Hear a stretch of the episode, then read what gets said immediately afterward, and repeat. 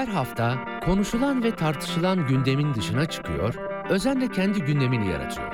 Konuklarıyla telefonda değil, stüdyoda sohbet ediyor. Konuları değil, konukları ele alıyor. Laf lafı açıyor, iki saat şarkı arası bile vermeden Serhat Sarı Sözen'in eşsiz sunumuyla akıp gidiyor. Serhat Sarı Sözen'le gündem dışı her pazar saat 16'da Radyo Sputnik'te.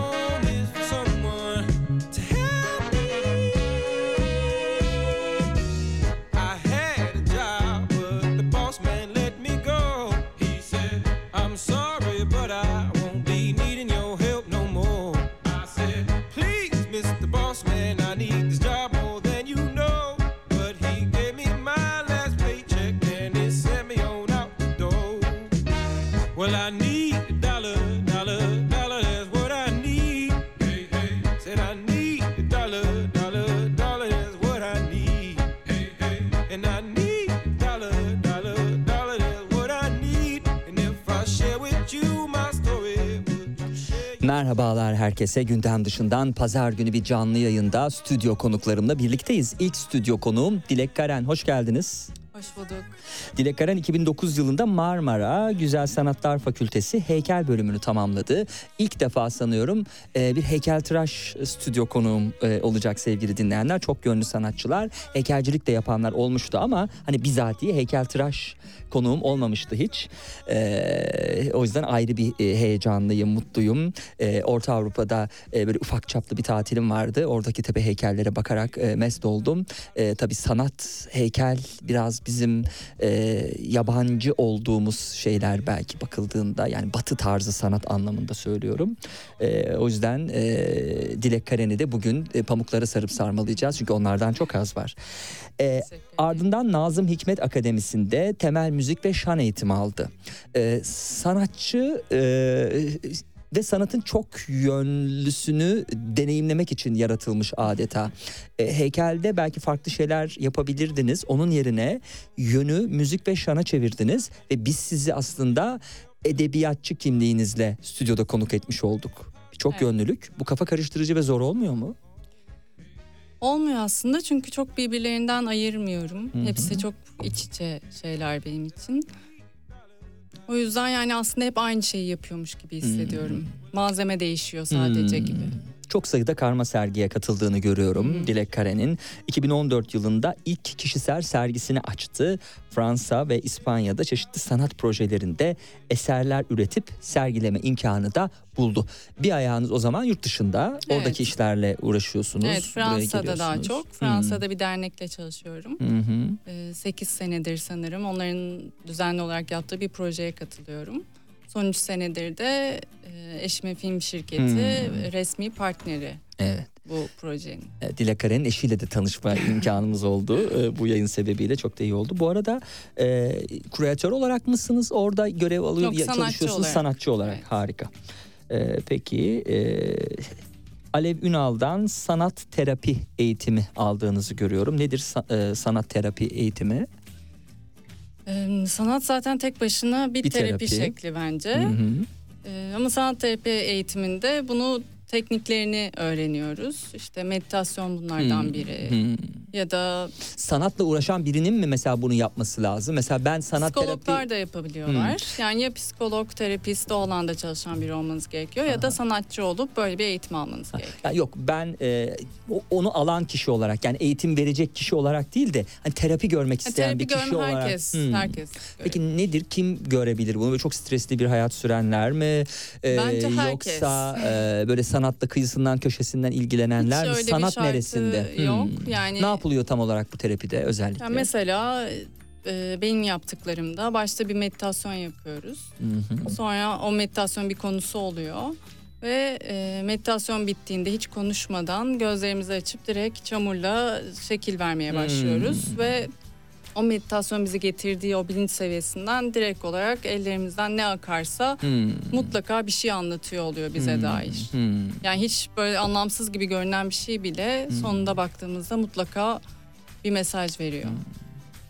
Yaşam okulunda bir sene boyunca meditasyon ve sanatı birleştirerek zaten çamur atölyeleri gerçekleştirdiğini e, görüyoruz Dilek Karen'in. E, peki kimler ilgi gösteriyorlar buna? Hani herkes katılabilir dediniz o ayrı ama Türkiye'de kimler ilgi gösteriyorlar genelde? Yani her kesimden gösteriyorlar aslında. Hmm. Özellikle yoga, meditasyon bu alanla ilgili olan kişiler daha çok gösteriyor tabii.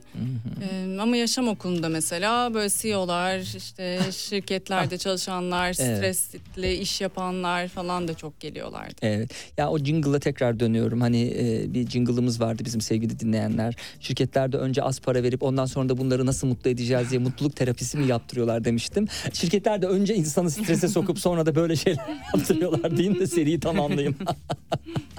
Bu arada yoga tabii ha, yoga ile ilgili konuşalım. Ondan sonra bir, bir şey soracağım. E, 2018'de Nüve Yoga değil mi? Doğru Evet, mu telaffuz? evet, Nü mü Nüve, demek lazım? Nüve Yoga. Hı hı. Nedir açılımı? Öz çekirdek anlamına Ha, geliyor. nüve anlamında. Hatta Evet. Türkçe nüve. Evet, evet, ha, Türkçe anladım. olarak anladım. düşündük. Hı hı hı hı. Ee, iki saat temel yoga uzmanlaşma programını tamamlamış ee, konuğum Ee, ve şu an yine Nüve Yoga'daki temel yoga uzmanlaşma programında dersler veriyorsunuz Ders mu? vermiyorum aslında. Hı hı. Daha çok oranın işletmesiyle ilgileniyorum. Ee, şimdi e, daha önce e, bir beş yıldızlı bir otelin e, spor salonundan işte böyle yogamız da var filan tarzı şeyler gelmişti. Ben dedim ki bir çok büyük bir otel bu arada. E, e, yani şeyi de çok güzel e, işte güneşlenme alanları falan ama yoga ayrı bir şey dedim. Yani yoga veriyoruz demiyor olmanız lazım dedim. Yok dedi bizim iki tane yoga eğitmenimiz var. İki tane yoga eğitmeniyle olacak şey değil. Zincir spor merkezleri var. Yani kardiyo için gittiğimiz işte vücut geliştirme için falan gittiğimiz orada da mesela pilates dersleri, yoga dersleri var. İşte hatha yoga var, e, vinyasa yoga var. E, bence onlar da yoga değil. Yani yoga o felsefesiyle falan onu özümsemek için e, böyle butik bir yere mi gitmek lazım yoksa yo her yerde verebilir mi acaba der- dersiniz? Ne dersiniz bu yoga işine ilişkin? Yani spor salonuna gidip sonra bize gelenler genelde Hmm. sizin dediğiniz gibi benzer şeyleri söylüyorlar. Bizim daha önce yaptığımız çok daha farklıydı gibi his olarak. Ama bence her yerde yapılabilir. Kişinin kendisiyle ilgili bir şey çünkü çok fazla kendiyle ilgili bir şey. Nereden ne hazine çıkacağı, nereden ne alacağını Belli olmaz. bilemeyiz. Evet bilemeyiz. Peki. E, demişsiniz ki bir yere verdiğiniz röportajda kaynak da göstermek isterim. Şimdi o kaynağı bulamadım. E, siz de tamamlayabilirsiniz. E, 20 yıldan uzun zamandır birçok alanıyla sanat ve meditasyon yaşamımda ve aslında hepsi aynı yerde duruyor. Aynı yerden beslenip aynı şeye hizmet ediyor. Dönem dönem bir sanat dalı diğerinin önüne geçiyor ve o dönemde tüm üretimim o sanatın malzemeleriyle oluyor. Fakat ne malzeme kullanırsam kullanım veya hangi alanda çalışıp üretiyor olursam olayım bir diğerine geçtiğimde bir önceki çalışmalarımda aldığım yol üzerinden yolun bıraktığım yerden devam ettiğini fark ediyorum. Meditasyonum sanatımı, sanatım meditasyonumu ve her ikisi olduğum kişiyi oluşturuyor ve dönüştürüyor demiş.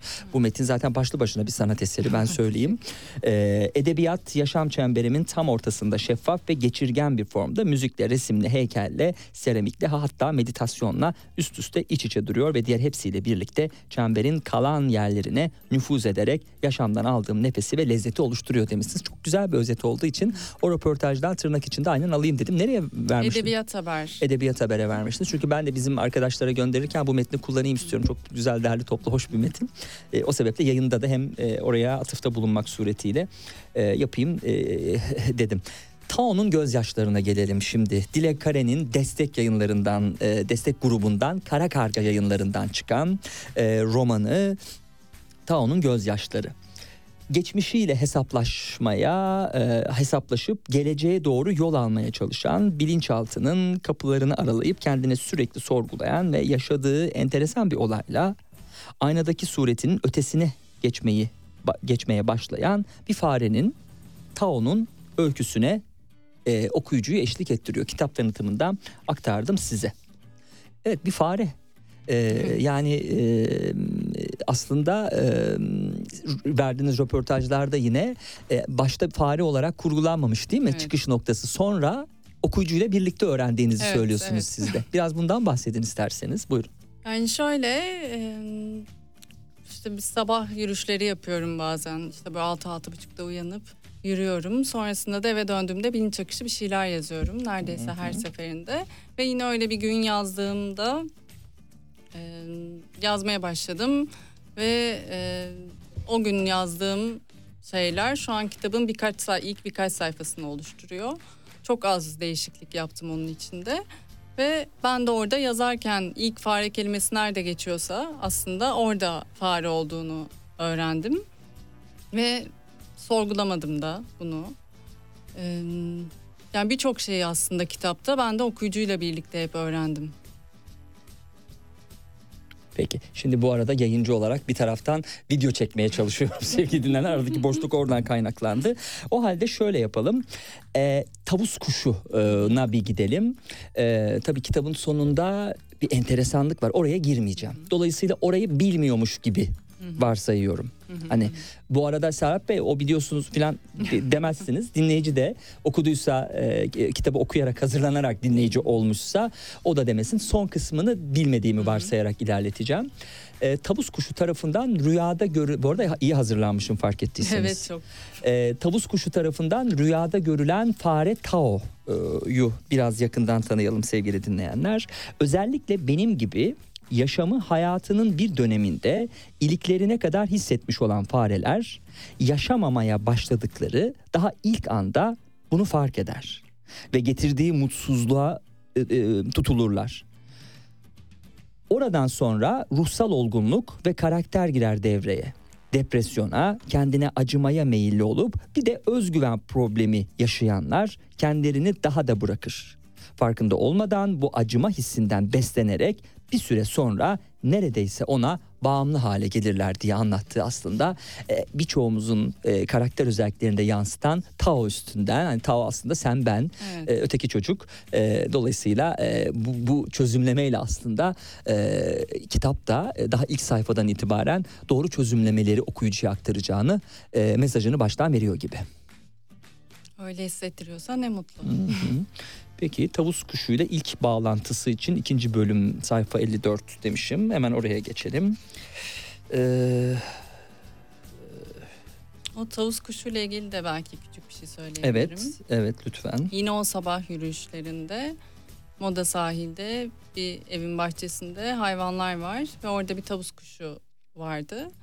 Ee, 3-4 sene önce sanırım yazmaya başladım o zamanlar gibi yürüyüşümde. O tavus kuşuyla karşılaştığımda çok heyecanlandım. Çünkü hiç hayatımda canlı olarak tavus kuşu görmemiştim. Ve dişi erkek ayrımını bile bilmiyordum. Hepsinin Hmm, kuyrukları görkemli zannediyordum. hmm. Ee, yani kuyruğunun çok görkemli olmadığı anlaşılıyordu.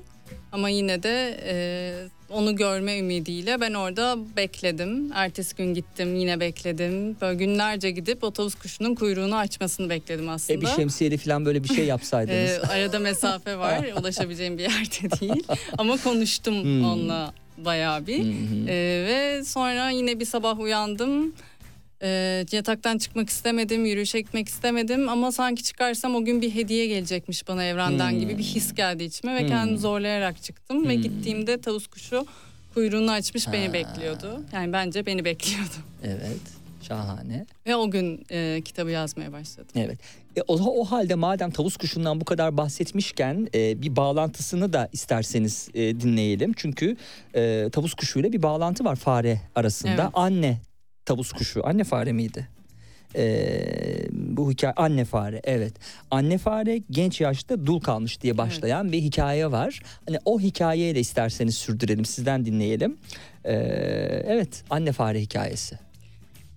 Ee, anne fare yani bu geçmişe dayanan bir Anka kabilesinden bahsediyor evet. Anka fare. Yani anne, Anne fare. fare. O zamanlarda onların işte atalarından olduklarına inandıkları bir fare grubu var ve onlardan biri her ayın aynı gününde bir evladını kaybediyor ve artık her ayın o günü geldiğinde endişeye kapılmaya başlıyor. Olduğu kolon- kolonide de dışlanmaya başlıyor bu sebepten. Çünkü lanetli olduğu düşünülüyor ve o laneti yayacağını düşünüyorlar. Ve dışlandıktan sonra o da kendine başka bir yer ararken ankaları buluyor. Ee, Hı hı. Ve ankaları bulduğunda da e, onların bu tavus kuşuyla olan bağlantısını aslında öğreniyor. Yani bu tavus kuş dediğimiz aslında anka Hı hı, kuşu aynı hı hı. zamanda anka fare aynı şeyden bahsediyor oluyoruz.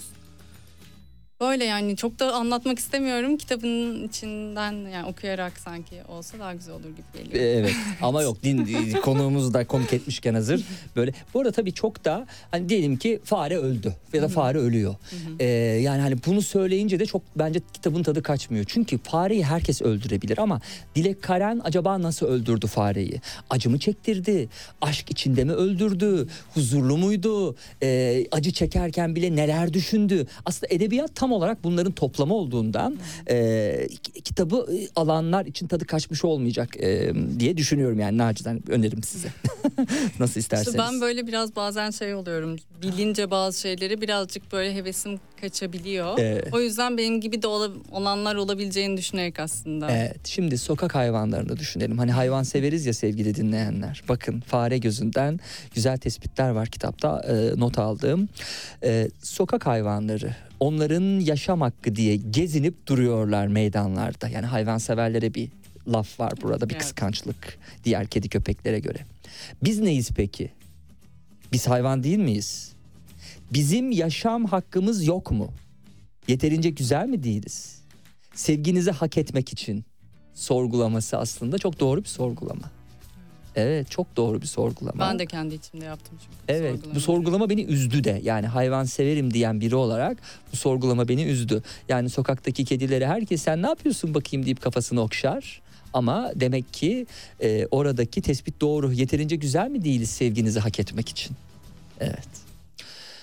E, yalancısın insanoğlu. Sadece bize değil kendine de yalancısın. E, ayrıca bana ne mahalleden bunu bana yaşatanlar benim mahalle arkadaşlarım değil mi diye sürdürüyor. İnsanoğlunun yalancılığını da yüzüne çarpmışsınız. Genel olarak nasılsınızdır? E, kötümser misinizdir? İyimser misinizdir? Ya da burada olduğu gibi doğruları böyle her, her zaman her yerde e, böyle bir e, şey mefhumu olmadan bir politik olmadan söyler misiniz? Nasıl bir tarzınız var?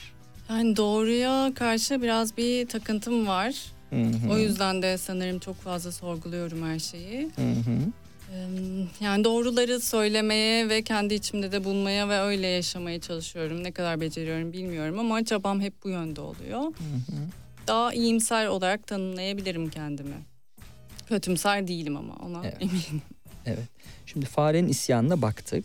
İsterseniz gelin. Ee, ha bu arada zehirledikleri diye başlayan 21. e, sayfa 21 ilk paragraf demişim. Onu da okuduktan sonra farenin aşk hayatına geçmek istiyorum. Önemli bir yer tutuyor tabii kitapta. Zehirledikleri kediler, köpekler ya da kuşlar olsaydı o zaman görürdüm isyanın alasını. Onlara göre yeterince güzel ya da sevimli değilsiniz. Değilseniz dünyalarında yer bulamazsınız kendinize. Ee, bir hamam böceğiyseniz vücudunuzun her yerinden nefes alabiliyor dahi olsanız nefesinizi nefesten saymaz karşılaştıkları daha ilk anda acımadan üzerinize basar geçerler. Bir an olsun gözlerinize bakıp sizi görüp tanımaya çalışmazlar. Sanki bir geçmişiniz, bir yaşamınız yokmuş ve onların sahip oldukları her şey sizden daha değerliymiş gibi. Duygusuz, canice davranırlar. Buna ne kadar alışıp kabullendiğinizi düşünür, e, düşünsek de onların sevgisini kazanmak için içten içe giriştiğimiz çabalar bir türlü son bulmaz ve bu çabayı gördükçe içimde yaşadığım hüzün bir türlü azalmaz. Boşuna demiyorum yani yalancısın insanoğlu diye. En çok da kendilerine yalancı. Gelen haberlere göre sadece birkaç gün içerisinde yapılan katliam sonunda Batı genelinde 1 milyona yakın fare telef olmuş. Anca 50 bini başka ülkelere kaçıp hayatta kalmayı başarabilmişler. Katliam haberi geldiğinde bizim burada da bir takım ayaklanmalar çıktı. İnsanlara olan öfke büyüdü. Bir günde yüzlerce yerden ev sahiplerine saldırı haberleri geldi. Ev sahibinin bana kurduğu onlarca komploya rağmen ona zarar vermeyi bir an olsun niyetlenmedim. Kendi kendime yas ilan edip daha çok ölen ve göçen farelerin hallerine üzüldüm. Ben de onlardan biri olabilirdim. Hatta bu sebeple Sophie'yi ikna edip en azından birini yuvamıza almayı çok istedim diye sürecek bu katliama ilişkin eee, devamında. E, tabii e, bunlar bizim aslında kulaklarımızı kapattığımız, bilinçli olarak yok saydığımız e, şeyler.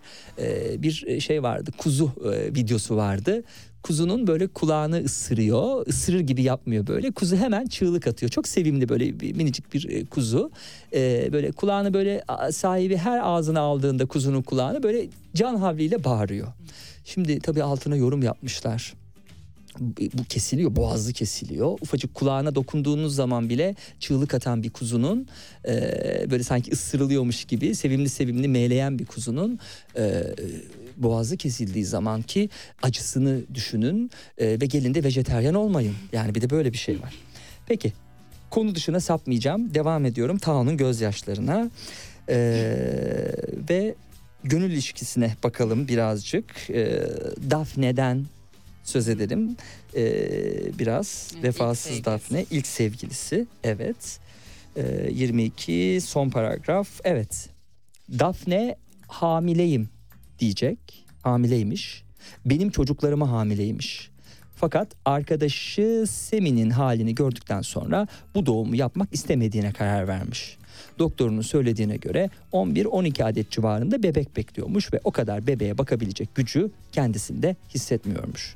Kendini anne olarak bir türlü hayal edemiyormuş. Bunlar aslında e, çocuk bakamam, anne olmaya hazır hissetmiyorum vesaire vesaire.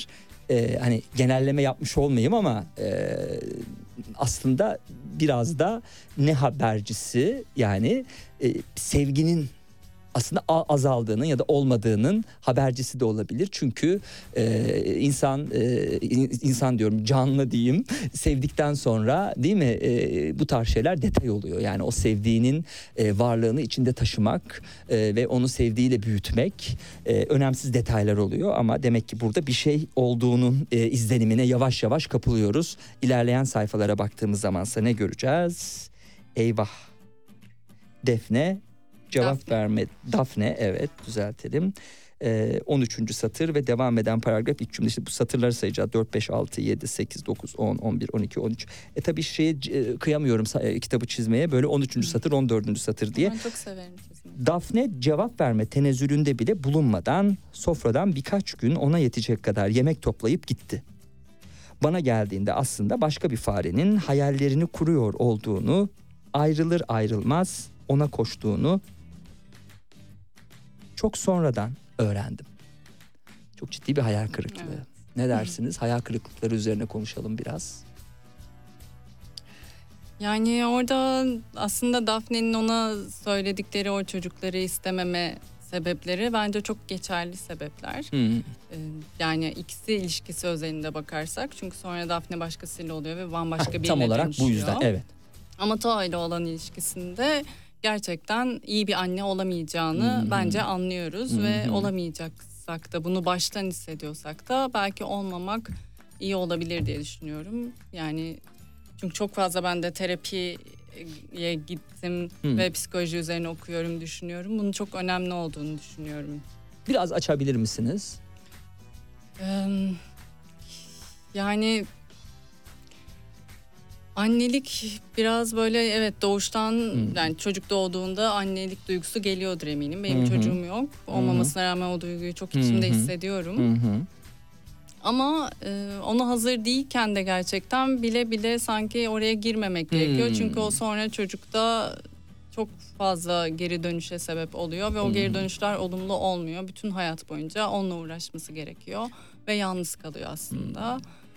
O yüzden bana biraz oradaki karar doğru bir karar gibi geliyor. Evet bir hayal kırıklığı yaşıyor Tao ama e, onun için iyi olduğunu düşünüyorum ben o hayal kırıklığının. O zaman farkında Evet, olmasa üzülse de doğru. sonrası için Sonra, hayırlı e, bir şey olacaktı. oldu bence. Evet. Peki Daphne'ye hak verme bağlamında eğer Tao'yu sevseydi hani sonradan Tao'nun da anladığı gibi e, başka bir erkek fare erkek olmasaydı e, o zaman yine Daphne'nin duygularına hak verir miydiniz? Yani seviyor olabilir ama yine kendini anne olmak için hazır Hmm. hissetmeyebilir. Yine hak verebilirdim. Hı hı, hı hı. Evet. Şimdi e, devam ettiğimiz zaman e, neler göreceğiz? Evet Daphne ile sevgililik ilişkimiz işte o gün orada bitmişti. O gider gitmez sızıp kaldım olduğum yerde sabah uyandığımdaysa beynim yerinden çıkacakmış gibi şiddetle ağrıyordu diyecekti. Demek ki fareler ve insanlar arasında bir e, bu anlamda hmm, Steinbeck'e selam olsun bir fark yok gibi değil mi? Peki. Bir de Tao zaten içki konusunda çok dayanıksız. Hmm. Orada özel bir sebep var mı içki konusunda dayanıksız olmasına? Yapmış olduğunuz bir gönderme. Evet bazen aşırıyor sahibinin biralarından da değil mi? Evet biralardan falan aşırıyor. Alerjisi e, var. Doktor ona alerjisi olduğunu söylüyor. Aslında basit küçük bir alerji bu ama bunu çok büyütüp e, böyle işte e, Sophie ile bununla ilgili tartışmalar da yaşıyor. Orada aslında biraz eşimden esinlendim. Hmm, Nasıl Evet, oldu o da biraz çünkü bahsedin. çok içki Hmm. e, içemez. Alerjisi var gerçekten. Yan tarafta bakın koşa koşa gelir dikkatli konuşun.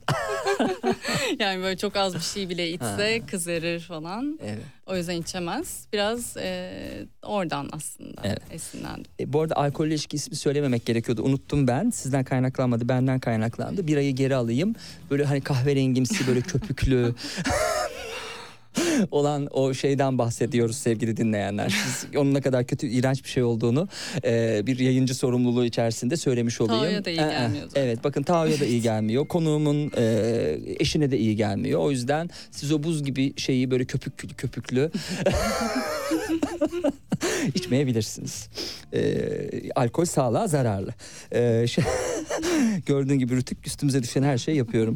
Terazinin bir tarafına dostlarımı, bir tarafına kendi değerlerimi koydum ve maalesef kendi değerlerimi seçebilecek cesareti bulamadım içimde. Çünkü yalnızlıktan ölesiye korkuyordum.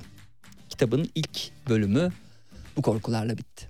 Biraz da korkulardan bahsedelim o halde Tao'nun korkularından.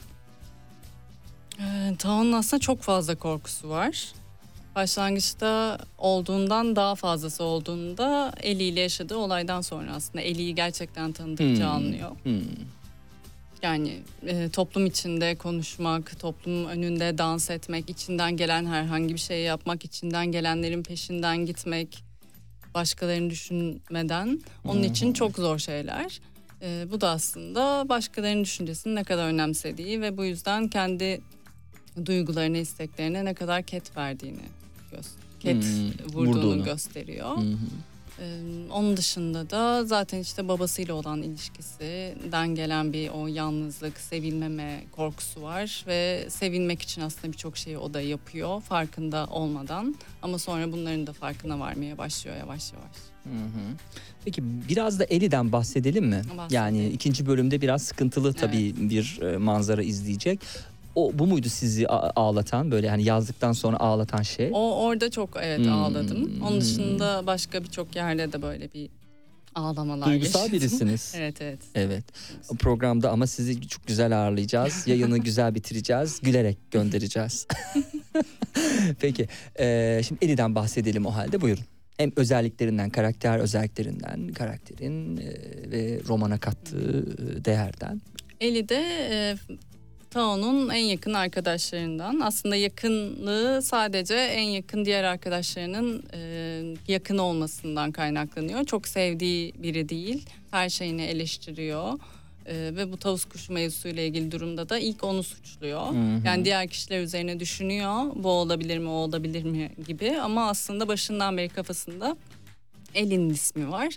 Ve sonunda da Elin'in o e, şeyi yaptığını düşünüyor ve buna emin olarak Eli'ye gidiyor ve işte bazı olaylar gelişiyor. Orada o olaylar sonrasında da Eli'nin aslında hiç zannettiği gibi biri olmadığını anlayıp asıl hayal kırıklığı ve vicdan azabı orada başlıyor. Evet. Tabii meditasyon eğitimleri de almış biri olarak yani kitap e, bir çocuk kitabı değil sevgili dinleyenler onu söyleyelim. Yani kıssadan hisse çıkarmamız lazım. E, Hem Tao'yu okuyacağız hem de e, Tao'nun bu hayal kırıklıkları ve hayatta kalabilme psikolojik olarak varlığını sürdürebilme çabası aslında Arayışları aslında. arayışları da aslında evet. bizim de e, ders çıkaracağımız arayışlar aslına bakarsanız. E, burada da masumiyetini yitiren bir canlı için dünya da artık masumiyetini yitirmiş başka bir yerdir diye sürdürüyor Tao.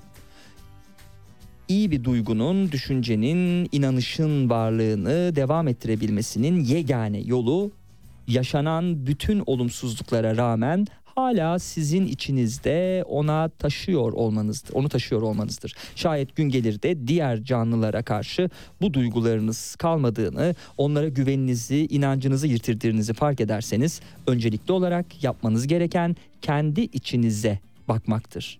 Bunu anlamakta gecikmiş olsam da emin olarak söyleyebilirim ki siz neyseniz, siz kimseniz dünyanız da ondan ibaret ve benim dünyam artık bütünüyle günahkar diyecektir.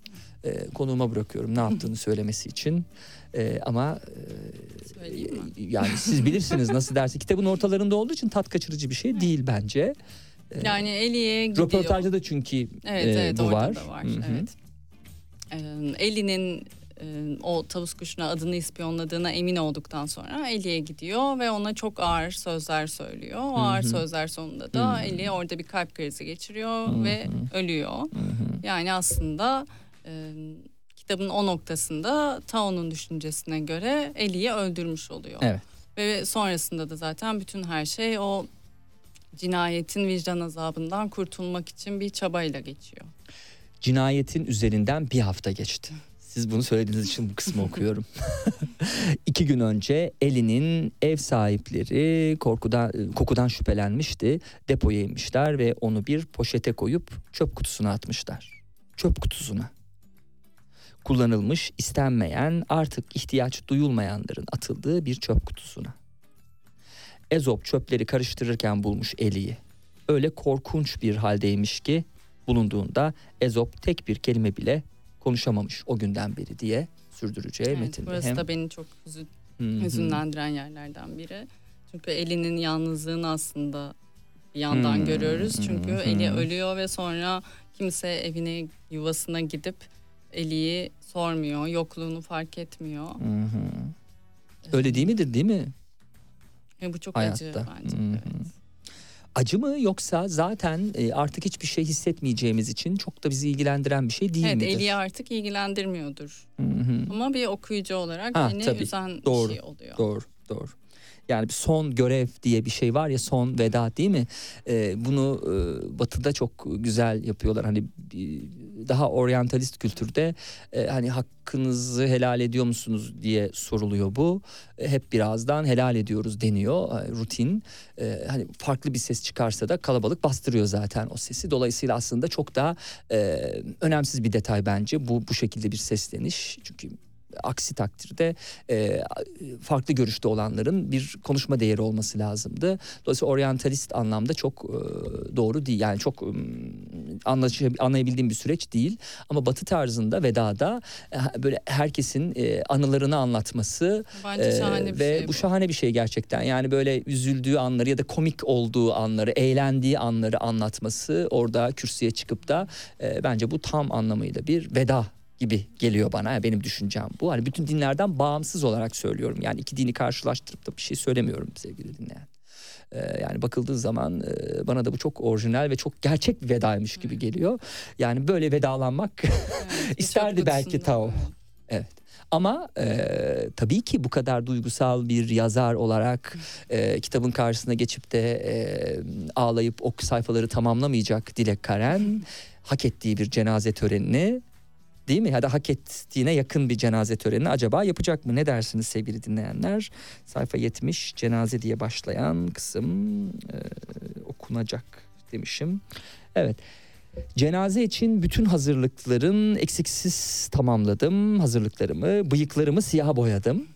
E, tırnaklarımı kestim ve alnıma ruhun şad olsun eli yazdım. Tam evden çıkmaya hazırlanırken Sophie ve Simon beni almaya geldiler. Sophie büyük bir telaşla ben biliyordum, ben biliyordum deyip duruyordu diye sürdüreceği. E, metinde tabii bu e, kimi telaşlandıracak? Tahayyü telaşlandırabilir. Telaşlandırırsa zaten bir vicdan azabı var. E, cinayet işlediğiyle ilgili böyle bir e, Evet, ve şeyi duyduğu var. her şeyden Hı hı. zaten böyle hemen anlaşılmış gibi bir korkuya kapılıyor. Hı hı hı. Ve en büyük korkusu da o zaten yani. Orada onunla olduğunun anlaşılması ve onun ölümüne aslında Tanrı'nın sebep olduğunun anlaşılması. İnsan nasıl böyle bir şeyle baş edebilir? Yani büyük bir sorumlulukla mesela çok değerli bir şeyi kırmış olabilir. Bir kalp kırmış olabilir aslında yanlışlıkla. Ee, hani birinin ölümüne sebebiyet verecek kadar büyük bir şey belki günlük hayatta olmaz ama hani olmayabilir ama e, bununla nasıl baş edebilir? Ne dersiniz? Çünkü meditasyonda e- eğitimi alan da biri olarak da soruyorum. Genel olarak soruyorum yani hani nasıl baş etmeli insan? Yani tamir edebileceği bir şey varsa tamir etmeye çalışmalı bence öncelikle. Edemeyeceği bir şey varsa da içinde onunla bir tür bir şekilde barışmanın yolunu bulmalı. Çünkü yaşama devam edecek Hmm. ve e, onun pişmanlığını yaşıyorsa da her gün kendine lanet ederek yaşamasının kimseye bir faydası, Faydası yok. olmayacak. Hı. O yüzden e, kendi içinde o helalleşme tırnak içinde hı. onu e, yapıp devam etmeli ve sonrasındaki yolunda da artık daha başka biri olarak devam edecektir ister istemez. Daha dikkat edecektir bir şeylere. Yani çok daha küçük şeylere de daha fazla dikkat etmeye başlayacaktır bence. Hı hı. Ee, sizin e, mutlaka okurum dediğiniz e, yani beslenmemde çok bana faydası var. E, şimdiye kadar hep okuduğum bütün kitaplarını okudum. Çıksa okurum ya da yaşasaydı okumaya devam ederdim diyebileceğiniz vazgeçilmez üç yazarınız kim olabilir? Üç yazarım. Yani hı. başta sayarım. Ee, Yani Osho çok eleştiriliyor ama ben Osho'nun kitaplarından Hmm. Çok fazla fayda gördüm. Hatta terapide çözemediğim bazı şeyleri e, onun kitaplarıyla çözmüşlüğüm vardır. Ee, yazar olarak tabii onu değerlendirmiyorum. Ama onu da bir e, tırnak içinde söyleyebilirim. Yanlış olabilir. Üçüncüsü Saramango diyeceksiniz gibi geliyor. Saramango'yu bilmiyorum. Hmm, peki tamam. Üçüncü o zaman sizden duyayım. Ee, benim bir şairim var. Ee, yani roman olarak mı sordunuz bilmiyorum ama Hmm. e, şiir olarak cevap vermek isterim. Tabii, Sohrab lütfen. Sepehri e, var. E, hayranlık duyduğum ve bütün eserlerimde onunla tanıştığımdan beri ilham aldığım. Hı. Ee, o yaşasın ve yazmaya devam etsin çok isterdim. Hmm. Yani bir tane çok uzun bir şiiri var Suyun Hmm. Ayak Sesi diye. Hmm. Belki yüz kere okumuşumdur ve hala dönüp dönüp okurum Hmm. ve her okuduğumda Hmm. çok etkilenirim. Hı. Şiirden etkilenmek başka bir boyut. Ee, benim de çok şiir kültürüm yok. Zaman zaman yayın evlerinden ve yazar şairlerden gelenler oluyor. Diyorum ki sohbet üretmekte zorlanıyorum. Çünkü şiirden anlamayan bir insanım. Keşke şiirden anlasam da böyle sohbetler etsem. Bir Lale Müldür e, artık Hı hı. o yani şair olarak değil de onu Lale Müldür olarak e, biz programda konuk etmiştik. Çok da keyifliydi. Ee, ama hani e, bir şiirden sohbet açmak değil de hani anılarından ve birikmişliğinden e, sohbet tabii ki açabiliyoruz ama o öbür türlü şiirlerden konuşmak çok zor. O yüzden ne zaman birisi böyle bir şiirden çok etkilendim dese ben de e, onu zevkle dinliyorum. Peki hiç Bir de okuma- Barış Pirasan'ı söyleyebilirim. Hmm, bir daha Onu söyler misiniz? Barış Pirasan. Hı hı. Onu da çok son dönemde çok seviyorum. Hı hı hı hı. Peki hiç okumam dediğiniz yazar da olabilir ama yazar söylemezsiniz muhtemelen. E, tür olarak hiç dönüp bakmam dediğiniz bir şey var mı? Yani tarihi romanlarda biraz zorlanıyorum. O da Hmm. biraz çocukluğumdaki bir anıya Hmm. dayanıyor sanırım. Neye dayanıyor? Ee, bir ödev verilmişti tarihi bir rom- roman okumak üzere. ve Ben Fakir Baykurt'un bir kitabını e, 10. Hmm. köydü sanırım ismi. O kitabı bir gecede bitirmiştim ve çok kalın bir kitaptı. Hmm. Benim için çok zordu o Hmm. ve sanki tarihi bir kitap okusam hep o his Ha. gelecekmiş, o kitap hiç bitmeyecekmiş E, gibi tam bir bir his var travma içimde. olmuş gerçekten yani. Bunu da yapmasın hocalar. Belki de uzun bir zaman verdiler siz son güne bıraktınız. Bilemiyorum yani Öyleydi detayını. evet Ha. son güne bırakmıştım. Çünkü tarihi roman bulamamıştım. İnternette Hı hı. olmadığı için Hı hı. e, son günlerde bulabilmiştim. Evet. E, şimdi kitabın ilerleyen kısmında son olarak kitaptan e, söz edecek olursak e, Leyla değil mi? Doğru mu? Leyla. Lehila. Lehila. Evet. Değil mi? Bu defa da o bu def karşımıza çıkıyor. Hem Lehila hem de Rüya Araştırma Merkezi ile karşılaşıyoruz. Çünkü e, o rüyanın yorumlanması lazım tabii. Kimin rüyası olduğu tartışmalı artık kitabın sonlarına doğru. Hadi biz şeyi bozmayalım e, ve tavus kuşu diyelim. E, dolayısıyla burada artık Rüya Araştırma Merkezi çıkıyor. Evet Neler yani katacak e, da? Ankara'ya gittiğinde Anka köyüne orada farklı makineler var. İnsanlığın daha ötesinde yani insanların bile bulamadığı çünkü onlar insanları bir daha üst bir yere koyduğu için genelde fareler onların bile ulaşamadıkları teknolojilere ulaşmış bir uygarlık Ankalar. E, ben de Ankaları yazarken aslında Agartha diye bir uygarlık var efsanevi. Ondan esinlenerek yazdım. Onların da öyle gelişmiş aletleri olduğu vesaire söyleniyor. Ve ben de öyle bir alet olsaydı nasıl bir alet olsun isterdim diye düşündüm. Ve rüyalarına çok önem veren işte senelerdir her rüyasını yazan biri olarak e, rüyalara dair bir makine olsun ve ne anlatmak istediklerini bana söylesin isterim diye düşünerek rüya makinesi ortaya çıktı. Evet, e, röportajdan e, devam ettiğimizde e, ölümü de Tao'nun fare oluşundaki gibi ben de yine okuyucuyla aynı zamanda öğrendim demiştik ki bunu konuştuk. Fazlasıyla sarstı ve tekrar tekrar okuyup e, yaşanan durumu idrak etmeye çalıştım diyor. Sizin e, bir tiyatro eseriniz de var. Acaba ben doğru mu hatırlıyorum? Onu roman olarak yani kaleme tiyatro aldınız. Nasıldı eseri yazma amacıyla yazdığım Hı hı. bir çalışma var. Ama sonrasında e, sahnelendiğini düşündüğümde çok zor olabileceğini izleyici açısından düşündüm. Çünkü çok edebiydi dili. Hmm. Yani Tao'nun gözyaşlarıyla hiç alakası olmayan bambaşka bir dilde yazılmış Hmm. bir kitap. Hı. Çok fazla eski kelimeler vesaire de var. Hmm. E, sonrasında bir arkadaşımın önerisiyle neden bunu roman yapmıyorsun? Ha bu Tao'nun gözyaşlarının temelinden bahsediyoruz. Yok ta değil- öyle hiç değil. ilgisi yok. Anladım. Bu başka bir Başka şey. bir metin, Evet, evet. başka bir metin. Sonra onun üzerinde tekrar çalışıp onu romanlaştırdım ama henüz hiçbir yerde paylaşmadım. Hı hı. Belki ileride bir gün yayınlanabilir. Evet peki. Ee, bana bugün gönderilen, e, bana bugün ulaşan kitaplara şöyle bir bakacağım. Siz de biraz dinlendirmiş olayım isterseniz. Ömer Kamacı'nın Bilimin Ucunda kitabı e, geldi. E, Alfa Güncel e, grubundan. E, ne bilimi ya diye de e, bir e, şeyi var. E, alt başlığı var. E, mesela beyinler sözlüğü diyor.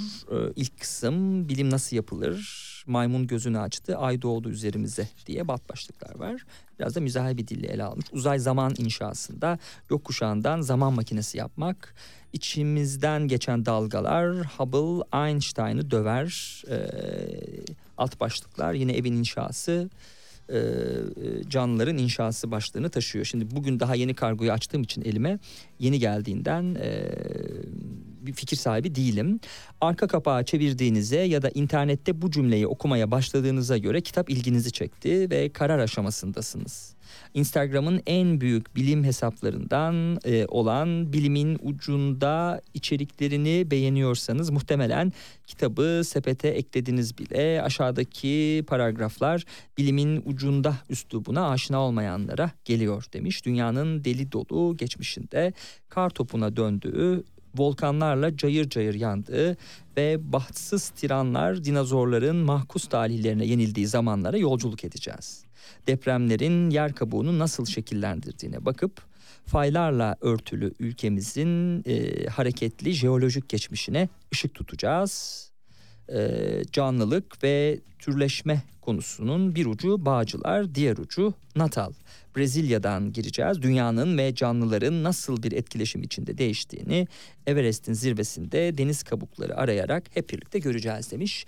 Bilimsel konuları e, sevdirerek böyle eğlenceli bir dille e, aktarmaya çalışıyor e, Doktor Ömer Kamacı anladığımız kadarıyla. E, mesela uranyum 238 8 alfa ışınlaması artı 6 beta ışını artı 153 enerji kurşun 206'ya çevriliyor diyor. Grafiklerle anlatmış bilimsel konuları anladığımız kadarıyla eğlenceli. Sever misiniz e, bu tarz e, kitapları yani bilimsel diyelim? Yani lise zamanlarında çok ilgim vardı daha Hmm. e, bilime ve o tarz şeylere. Şu anda da insan beyni çok ilgimi çekiyor Hmm. ve e, Yani direkt kitap olarak okumuyorum ama onunla ilgili bir metin karşıma çıktığında Hmm. anlamaya çalışıyorum. Ayşe Kulin e, Yarın Yok e, kitabını göndermiş, imzalı göndermiş. Teşekkür ediyorum. E, kıymetlimiz Ayşe Kulin e, Yarın Yok'ta neler e, yazmış. E, her zamanki ustalıklı ve sürükleyici üslubuyla bu kez bambaşka bir zamana götürüyor bizi.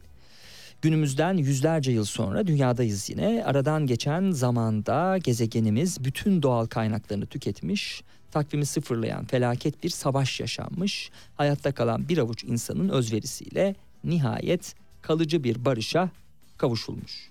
Ancak şimdi yine bir tehlikeyle karşı karşıyayız. Merkez şehir devletinin en genç bilim kadınlarından biri olan Mira, uzun zaman önce biyolojik bir silah olarak üretilen Tyro virüsünün formülünün peşinde. Zamanları aşan büyük bir serüvene atılacak ve bu sırada hem aşkı hem dayanışmayı hem de soy ağacında yer alan cesur kadınları tanıyacak. Evet, e, bugün hafife aldığımız sorunları, olası sonuçlarını işaret eden aynı zamanda e, kıymetini bilmediğimiz zenginliklerinde altını çizen ve umudu asla bırakmamaya çağıran bir romanmış e, yapılan tanıtım kapsamında Ayşe Kuli'nin yeni romanı Yarın Yok. Ayşe Kulin okur musunuz? Peki sorum gitmedi diğer tarafa şu an konuğum başka bir şeyle meşgul. E, Sema Soykan'ın Öteki Şeylerin Tarihi kitabı bu defa yine Alfa Güncel'den gelmiş tarih kültür e, etimolojik atasözleri, deyimler ve Galatı meşhurlara dair diyor. Bir kahve sohbetiymiş adeta. Öteki şeyler e, hani biraz önceki kitap hani bilimsel konuları e, bize anlatıyordu ama bu defa öteki şeylerin tarihinde e, kitapta gezinirken satranç, Haydi, e, işte maymun idamları, e, İran, İngiltere ve şeker alt başlıklarıyla yine şehir isimlerinden dilimize yerleşen kelimelere kadar öteki şeylerin tarihini bize aktarmış. Peki e, şimdi e, size e, bir kitap hediye etmek istiyorum. Aa, Alper Canıgöz'ün e, Aa, çok severim. Oğullar ve Rencide Ruhları okumuş muydunuz? Okudum sanıyorum Öyle ama e, elimde yok. Tekrar Yoktu. okurum. Yaşasın. Ee, dünyanın en küçük dedektifi 5 yaşındaki Alper Camus. Tabii burada bir e, Albert Camus'e bir şey var anladığımız kadarıyla.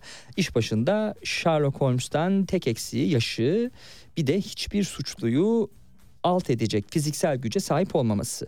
Alper Camus'un sermayesi zeka, bilgi ve sezgiden mürekkep ve şimdi Hicabi Bey'i Deli Ertan'ı öldürmediğini ispat edebilmek için gerçek suçluyu bulmak zorunda.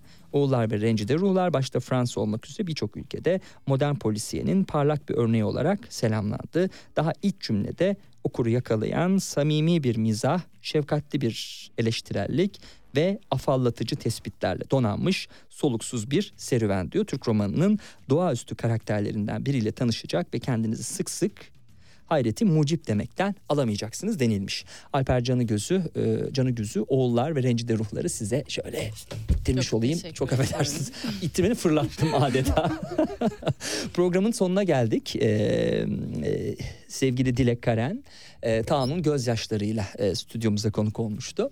Var mı söyleyeceğiniz, e, son olarak e- eklemek isteyeceğiniz bir şey? Çok teşekkür ederim. Benim ilk yayınımdı. O Evet. yüzden heyecanlıydım ama e, hiç korktuğum gibi olmadı. Yaşasın. Sizin Bence, sayenizde. Çok evet. teşekkür ediyorum. Evet bunu söylemeseniz dinleyiciler bilmeyecekti bile açıkça söylüyorum. Evet Taan'ın gözyaşlarını konuştuk ve Dilek Karen'in yaptığı diğer işleri konuştuk sevgili dinleyenler. Dakikalar içerisinde 17 haberlerine bağlanacağız. Bugünkü olayımız aslında sanat. Ee, Dilek Karen e, heykel sanatçısı, e, müzik şan eğitimi aldı. Çok yönlü bir sanatçı. Ama bu defa da yönümüzü Türkiye'nin sanat hafızasına çevireceğiz. Milliyet e, e, yayınlarından e, çıkan bir e, kitap. Evrim Altuğ yazdı bunu da gazeteci. E, bir e, dergi var Milliyet Sanat Dergisi 50 yıldır yayınlanan e, ve bu dergi 50 yıldır yayınlanıyor. Onar yıllık periyotlarla hangi önemli haberler yaptı bunları derledi, yorumladı ve biz aslında önümüzdeki saat e, Türkiye'nin sanat hafızasını 1970'li yıllardan alacağız ve programın sonunda 2020 yılına kadar getireceğiz. Hem Türkiye'nin 50 yıllık sanat tarihini konuşacağız. Ne başlıklar var konuşacağımız sevgili dinleyenler. E, dakikalar sonra e, Evrim Altuğ'la olan e, yayında siz de bunlara tanık olacaksınız. Peki teşekkür ederim geldiğiniz Ben çok için. teşekkür ederim. Gündem dışı. Mutluluk danışmanısınız bir de aynı zamanda. Çok güzel işler yapıyorsunuz Türkiye'de. Ne kadar güzel mutluluk danışmanlığı için size geliniyor. Mesela kimler geliyor daha ziyade size? Mutsuz çiftler mi geliyor yoksa e, yalnız kişiler mi geliyor? Belki 14 Şubat'a doğru e, ne olacak benim bu mutsuzluğumun hali falan diyenler mi geliyor? Kimdir e, genelde gelen hedef kitle? Ben kurumlara mutluluk danışmanlığı yapıyorum. E, Kurumlarda kurumlar da önce az ücret verip insanlara mutsuz edip sonra da size mi danışıyorlar nasıl mutlu edeceğiz bunları diye. Gündem dışı.